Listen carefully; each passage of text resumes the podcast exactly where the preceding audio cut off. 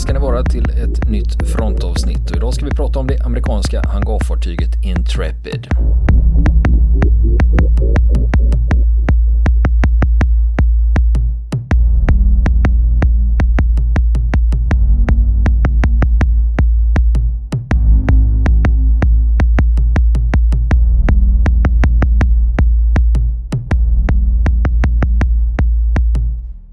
Niklas, nu är det dags för resetips. Mm. Faktiskt. Spännande. Var ska ja. vi åka idag? New York.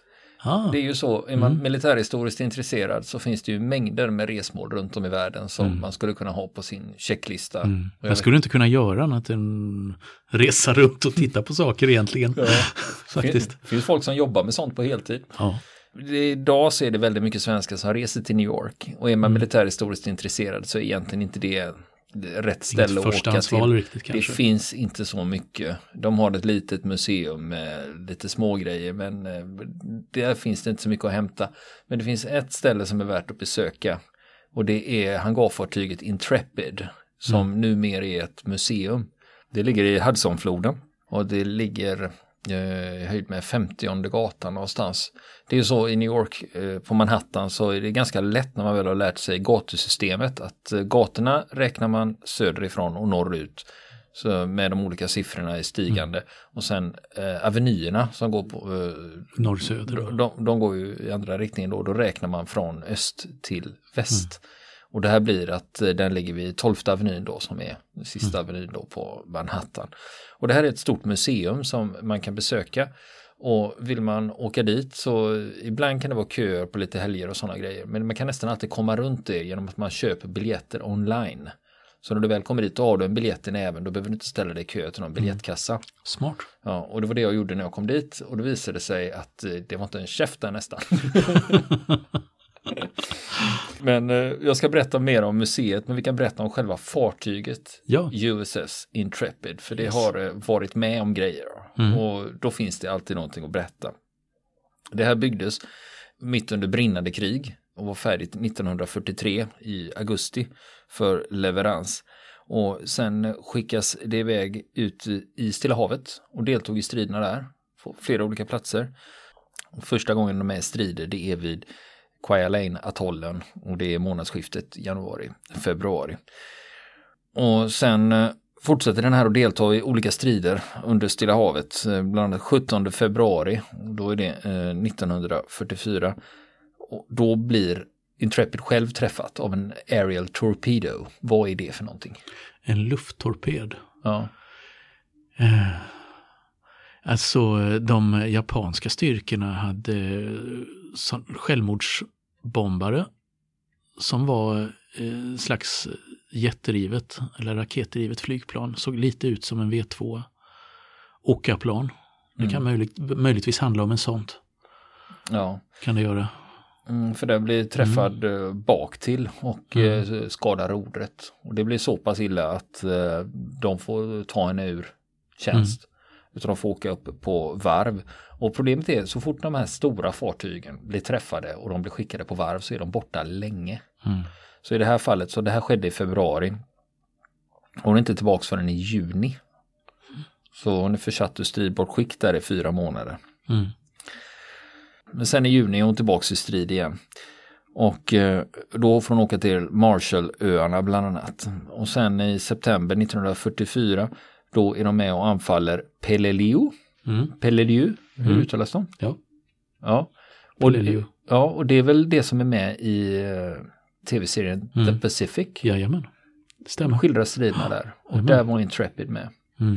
Och sen fortsätter de vidare till Okinawa och det är Mm. också med i Mm. The Pacific som nyligen har gått på TV10 här i Sverige. Så man har hunnit se dem en gång till för 20 Mm. gången höll jag på att säga. och sen är den också med i oktober 1944 med vid landstigningarna på Leyte. Mm. Och du vet om att Leyte har du nämnt tidigare vid flera Just tillfällen. det. Just det. I Filippinerna ja. Mm. Och det här är ju ett hangarfartyg så det är ju flyget, eh, deras flygplan som de använder i de här striderna och landstigningarna och även slår mot eh, japanska flottan på flera olika håll. Ja, och du ju ihåg att fartyget kom ju tillbaks i juni 1944 och har varit i stridigheter och det pågår fram till 30 oktober. För då blir de utsatta för en kamikaze-attack. Och ett plan kraschar rakt in och Ja. tio besättningsmän dör och sex blir skadade. Men de lyckas ändå reparera skadorna så pass att de kan hålla sig i strid Mm. fortfarande. Så de lyckas reparera det och fortfarande vara i drift. Sen 1944, 25 november, inom fem minuter så blir de träffade av två kamikazeplan som Mm. kraschar rätt in. Och eh, det här blir ganska illa, den här träffen. Det är sex officerare och eh, 59 besättningsmän Mm. dör. Och eh, det är, ett av de här planen kraschar in i sidan på fartyget och tränger in på hangardäck. Alltså Mm. under, i. Mm. inne i skrovet där det står flygplan. eh, Färdiga, upp- färdiga för att hissas upp. Precis.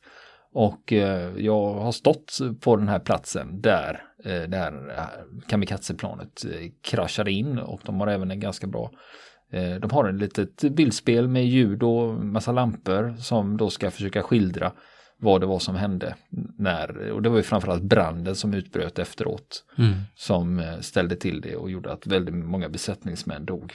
Just det. Och den här kraschen den ställer ju till det så pass att de får gå upp på varv igen så de är tagna ur strid återigen. Och det här eh, gör också att eh, det fanns ett smeknamn på det här fartyget som heter Fighting One. Mm.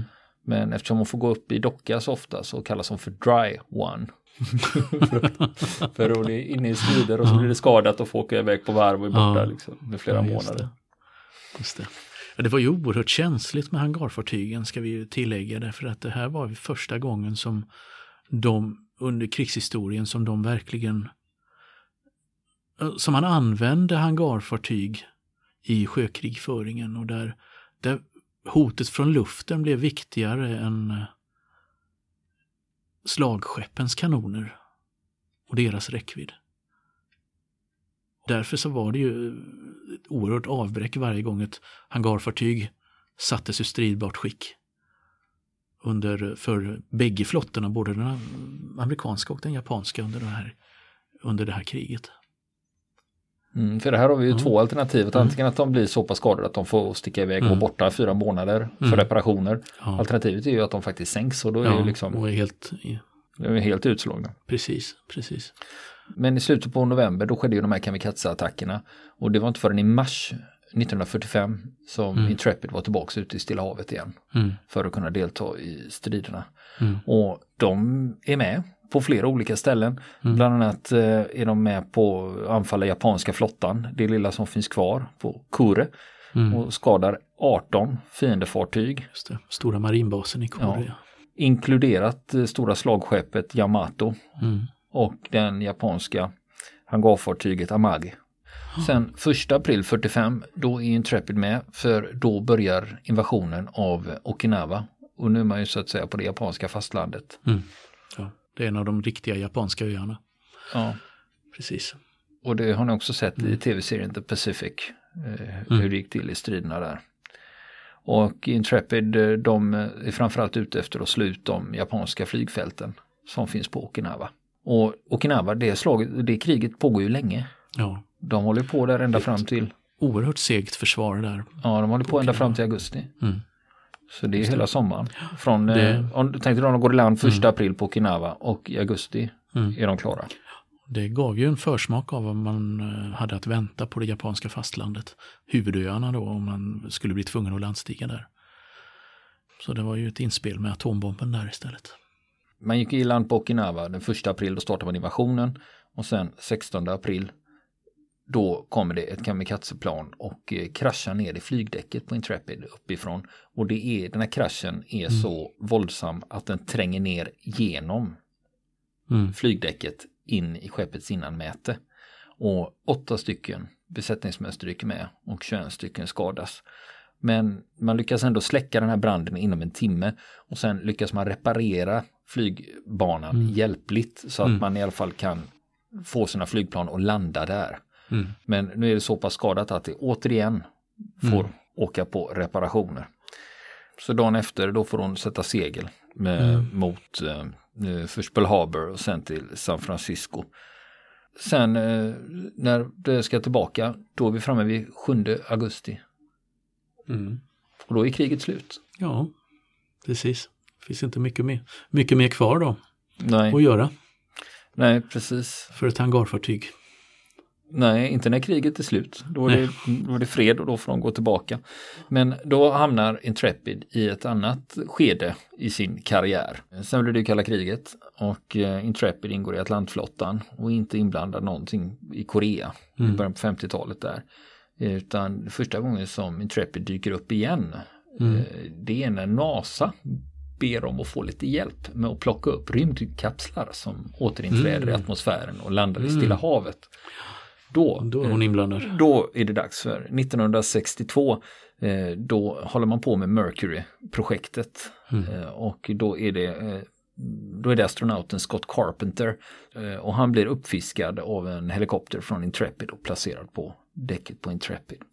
Och man fortsätter med NASA och eh, 1965 så håller NASA på med Gemini-projektet. Och Gemini 3 det är astronauterna John Young och eh, Gus Grissom i deras eh, landningskapsel Molly Brown som eh, landar i Stilla havet. Och den eh, bara nio mil från Intrepid landar de. Och eh, de fiskas upp och placeras på däck.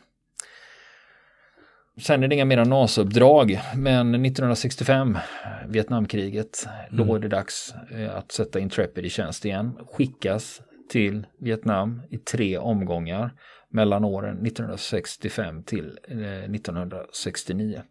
Och eh, då hade de Carrier Airwing 10 hos sig då. Då hade de bland annat eh, A4 Skyhawks och A1 Sky Raiders Mm. som de flög med dem. En av de saker som utmärker sig det är 1966. eh, Där är det ett eh, plan som lyfter från Intrepid och det var en A1 Sky Raider. Och den här är ju propellerdriven. Trots det lyckas den skjuta ner en MiG-17. Fantastiskt. Piloten som Mm. eh, hette löjtnant Patton, Mm. William G. Patton, han får silverstjärnan för det här, Mm. Silver Star, för att han lyckas skjuta ner en MiG-17. Med ett propellerplan. Ett propellerplan. Inte dåligt. Under Vietnamkriget så används hon även till andra saker. Eh, Hon hade ju varit i Vietnam vid tre tillfällen fram till 1969. Mm. Men eh, i april och oktober 1971 då åker hon runt på lite NATO-övningar och uppe i Barents hav. Bedriver lite spaning och kikar lite efter ryska ubåtar. Och eh, sen var hon även varit i Östersjön. Så hon har varit i närheten av svenska vatten i alla fall. Men 1974 då var det dags att eh, stänga boken på Intrepid. Och då var frågan vad ska hända med henne sen? Första idén var att man skulle skrota fartyget som man brukar göra med, eh, eller sälja dem till någon annan. I det här fallet var det skrotning som var förestående. Men då är det, då är det två byggherrar som heter Zachary och Larry Fisher. De skapar en stiftelse och vill att Intrepid ska bli museum. Och de lyckas få igenom det här så i augusti 1982 då hamnar hon i New York och öppnas som museum. Mm. Och sen dess har allmänheten tillträde till eh, det här hangarfartyget. Och sen sedan 1982 så har man byggt upp de här samlingarna. Och det bygger lite på vad man är intresserad av. För är du intresserad av eh, är du Mm. intresserad av eh, sjöfart så eh, har du något att hämta där om du vill eh, knalla omkring på ett riktigt hangarfartyg som har varit med i matchen. Eller om du är flygintresserad. För de har nämligen samlat på sig mängder med flygplan. Dessutom har man även utökat så man har en liten paviljong på flygdäck där man har en rymdfärja stående Mm som heter Enterprise. Och när jag eh, fick höra om det där, för jag, när jag var barn och var jätteintresserad av rymdfart så jag tänkte det skulle bli spännande att se en riktig rymdfärja som har varit ute i rymden. Men det har inte den här rymdfärjan utan det, det, det var den här man använde när man skulle öva landningar. Man lyfte upp den på ryggen av en 747 och så släppte man den och så fick de öva landningen. Så den rymdfärjan man har stående på Intrepid har aldrig varit i rymden. Men de har i alla fall en Gemini-kapsel. Men den har inte heller varit i rymden för det är en replika. Typiskt. Det är typiskt när man vill se grejer som varit i rymden. För jag hade sett en Gemini-kapsel när jag var barn på Tekniska museet i Luzern. Mm. Och då tänkte jag, jag får sett en grej som varit i rymden. Nej, det var ju också en replika då. Så att, Det som, eh, det som eh, i Washington på Smithsonian mm, där de har en SS-20-missil, en sovjetisk kärnvapenmissil. Då. just det. Men det är också en replik, det är en övningsmissil som användes av eh, besättningen. Så den har ju aldrig varit eh, laddad med kärnvapen eller någonting utan den har ju bara varit en stor dummy helt enkelt. Därför att man fick inte, med nedrustningsavtalet så var man tvungen att förstöra alla äkta missiler då. Så att, eh, Mm. så att det blev bara det här kvar att visa upp. Ja, men hur som helst, till Intrepids försvar när det gäller rymdfart Mm. kan jag säga att de har faktiskt en Soyuz-modul som har dockat med internationella rymdstationen ISS. Och Ja, men det är ju något är ju, den fall. har varit Ja. i rymden. I Det är ju något. I alla fall någonting som har varit där uppe. Eh, och Man är intresserad av det. Soyuz. Ja, men Unionen. är det det det betyder? Mm. Soyuz. Det uttalas väl Soyuz? Soyuz. Soyuz Mm. till och med. Det är bra. Vi det är lika rätt. Sovjetski Socialisticheski Republik. Det är namnet. Så de sovjetiska rådsrepublikerna. Mm. CCCP eller Ja, SSSR. SSSR. Exakt. Det blir det väl av. Det är inte roligt att kunna säga det på ryska, bara en sån sak. Men det vi ska prata om nu, nu är det eh, flygsamlingen de har där. Mm. Ja. Mm. För den är ganska häftig om man är flygnörd som jag då. Bland annat så eh, har de flygplan från flera olika håll. Bland annat har de från US Air Force, US Navy, marinkåren. Och marinkåren är ju en av fem försvarsgrenar så de räknas ju som en egen. Och sen har de även från amerikanska armén och eh, amerikanska kustbevakningen.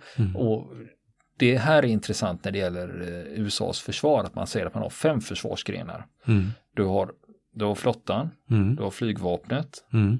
du har armén, Mm. du har marinkåren och sista är Flottans flygvapen. fel. Kustbevakningen. Kustbevakning. Kustbevakning, det är en sån här klassisk eh, trick det. question. Ja, en slamkrypare det är. Ja. Men eh, men om man ska titta på eh, vad de har för flygplan där som är intressanta då, bland annat en F16 Fighting Falcon. Mm. Känner vi igen från, eh, från filmen Iron Eagle från Mm. 80-talet. Om Jajamän. man tittar närmare på hur en sån ser ut. Och det visar hur en 15-åring snor högteknologisk försvarsutrustning. För det kan ju alla 15-åringar som är lite Ja. flygintresserade. Ja, precis. Och sen finns det, eh, du känner ju till en Blackbird SR-71. Jajamän. Det har de inte där. Utan då får man åka ner till Dallas i Washington för att titta på den. Men utan eh, man har en Lockheed A12. Det är föregångaren till eh, SR71 då. Mm. Men den är stor och Imponerande. imponerande ändå. Och det är inga dåliga hastigheter. Mm. Och sen vi som har sett Top Gun 2000 gånger, vi är glada att få se en riktig F14 Tomcat. Just det. som jag, jag står och poserar i sina pilotglasögon framför, såklart. Eh, sen även då A- A- A- A4 Skyhawk och det var ju sådana de hade med sig till Vietnam. Mm. Har de även A1 Skyraider. Mm. Ja, vi har ju snackat Ja. om Vietnam här några gånger. Självklart har de en Huey. Ja, vad bra. Det, Eller vad ska man säga? Ja, men det är väl Kul nästan se. lite Ja. obligatoriskt om man inte, jag har ju faktiskt Precis. åkt med en, en gång. Så att, Har du gjort det? Mm, fast den heter Ja. HKP3, Augusta Bell, i Jaha. svenska försvaret. Ja, ja. Eh, Det är deras version av Huey. Mm. Jo, det är lurigt eh, om man inte vet det, för när man läser till i samlingarna så står det Mm. att de har en UH1 Iroquois. Iroquois, vad heter den? Iro Ir- Irok. Ja. Iroquois. Ja. En UH1 Iroquois och vet man inte att det är en Huey så är det ju lätt att man missar det. Mm. Just det, jag nämnde ju kustbevakningen, de har lite helikoptrar där, Sikorsky H19 och Sea Guardian. Sen är man intresserad av attackhelikoptrar så har de också Sea Cobra stående uppe på däcket här om man vill titta på dem. Och som du vet så har jag snöat in på Falklandskriget en eh, del. Eh, och är man intresserad av flyget från Falklandskriget så kan man även titta på flera av de flygplanen som deltog. Bland annat har de en Harrier Mm. stående där som i och för sig kommer från amerikanska marinkåren. Sen har man också en israelisk Mirage Mm. och eh, även en fransk Dassault Attendant 4. Och det var ju sådana flygplan som användes under Falklandskriget. Så kan man, det är roligt att se de här flygplanen så man kan sätta in dem i ett sammanhang. Mm. Sen också en polsk MIG-17 och en polsk MIG-21 då som man kan se vad motståndarna hade under kalla kriget. MiG-21 är ett av de coolaste plan jag vet utseendemässigt. Har du byggt Det är några, lite Tintin-känsla över det planet. ja, har du byggt några modeller? Nej, jag inte av... det gjorde jag aldrig. Det vet jag inte om det fanns, men det kanske, kanske det gjorde. Men ja, jag tycker inte så roligt för den som skulle försöka sig på kurvstrid. Det flög fort, rakt fram i sina attacker, slå till snabbt och hårt och sen iväg. Men ganska chanslös i kurvstrid. Men det ser jäkligt coolt ut. Ja, för annars ryssarna, det här med dogfights var ju något de aldrig gav upp riktigt. Nej, just det. Utan just det. det, det var en taktik Precis. som man trodde på. Mm. Men om vi ska prata mer om deras samlingar så har de ju också Mm. en Bell 50, alltså en helikopter. Och det är ju sån här vad man kallar för MASH-helikoptern. Ja, just det. Just det. Och, man kan, och den får man lov att sitta i också. Mm. Då kan man ta lite bilder där. Man nynnar lite på, Suicide is painless. ja. Ja. Och sen vad finns det mer att titta på då? Bland annat har man Mm. några flygsimulatorer du kan få testa och köra och en del, är bara, en del av dem är bara sådana man åker med. Man sätter sig som en biosalong och så rör sig Mm. eh, själva, eh, Just det. Och så får man lite fjärilar i magen. själva, det, ja. själva burken man sitter i rör sig upp Mm. och ner och fram och tillbaka och sånt. Och det, det. Så visar de en film fram till oss som visar ett anfall mot en Stilla havsö under andra världskriget, hur det skulle kunna gå till då. Mm. roligt. Det här är ju mer Mm. underhållning än utbildning skulle man väl kunna säga. Sen finns det ju självklart kläder. Mm. Och sen eh, också en uppsättning medaljer har de eh, på display där. Så man kan få se hur ett äkta Purple Heart ser ut Mm. om man inte har sett det Mm. i verkligheten. Det. Till exempel då. Och sen som jag nämnde inledningsvis i eh, hangarhallen så har de också en eh, visning med bilder och ljus och rök som då ska simulera hur det, vad som händer när ett, eh, när ett kamikazeplan slår in här på hangardäck. Det var den här stora, Mm. största katastrofen som de drabbades av under andra världskriget. Sen har de också kläder och uniformer av flera olika modeller. Och eh, för oss svenskar så finns det faktiskt en grej vi kan titta på som vi kan vara Mhm. lite stolta över. Om vi nu är Mhm. stolta över svensk vapenindustri. Mm. Eh, vad tror du de har för någonting? Aj, ja, Det är ingen JAS kan jag säga. Är det en draken? Nej, det är en Boforskanon. Bo- Jaha, okej. Ja, luftvärnskanon Ja. 40 millimeters. Ja, ja, denna exportframgång kan Ja, man precis säga. som alla sidor hade Ja, under andra världskriget. Just det. Så, så det kan man stå och skryta med att ja. Det är svenska grejer från Karlskoga. Ja. Sen när jag var där då träffade jag på Mm. en herre som gick omkring med en Intrepid-keps och Mm. han såg ut att vara i rätt ålder för att ha varit med om grejer. Mm. Så jag började snacka med honom och det visade sig mycket riktigt att han hade tjänstgjort på Intrepid. Ja. Men det var under åren 1959 till 63. Ah, Det är ju mellan Koreakriget och Vietnamkriget. Mm. Så att, eh, Han hade fiskat upp någon astro- astronaut med andra ord. Men, men det här är alltså det, vad du menar är det främsta resmålet i New York för den som är lite militärhistoriskt intresserad. ja, eh, om inte det enda. Det finns ett gammalt fort också. Eh, Som jag inte har varit i i och för sig. Men de ska inte ha någon större samling om något speciellt heller för den delen. Om man inte åker norrut och åker upp till West Point. För de i sin tur har ett museum som jag någon gång ska ta mig till och kolla på deras eh, samlingar. Men det, det är ju så här att det är väldigt mycket svenskar som åker till New York och det är billigt och det är lättillgängligt. Och då kan man ju passa på att lägga en halvdag eller en dag där för att gå runt och titta på de här grejerna. För det tycker jag är värt det.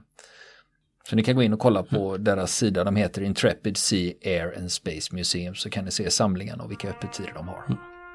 Och flera av er kanske redan har sett eh, filmklipp från den. För det finns en film med skådespelaren Will Smith som heter I am Legend som utspelar sig i någon zombiefilm där han är ensam i New York. Och då står han på Intrepid och slår iväg golfbollar. Vill ni komma i kontakt med oss så kan ni göra det via vår Facebook-sida som heter Fronten. Det är inga problem för er att leta er fram där. Eller också så mejlar ni på vår mejladress och det är frontenpodcast@gmail.com.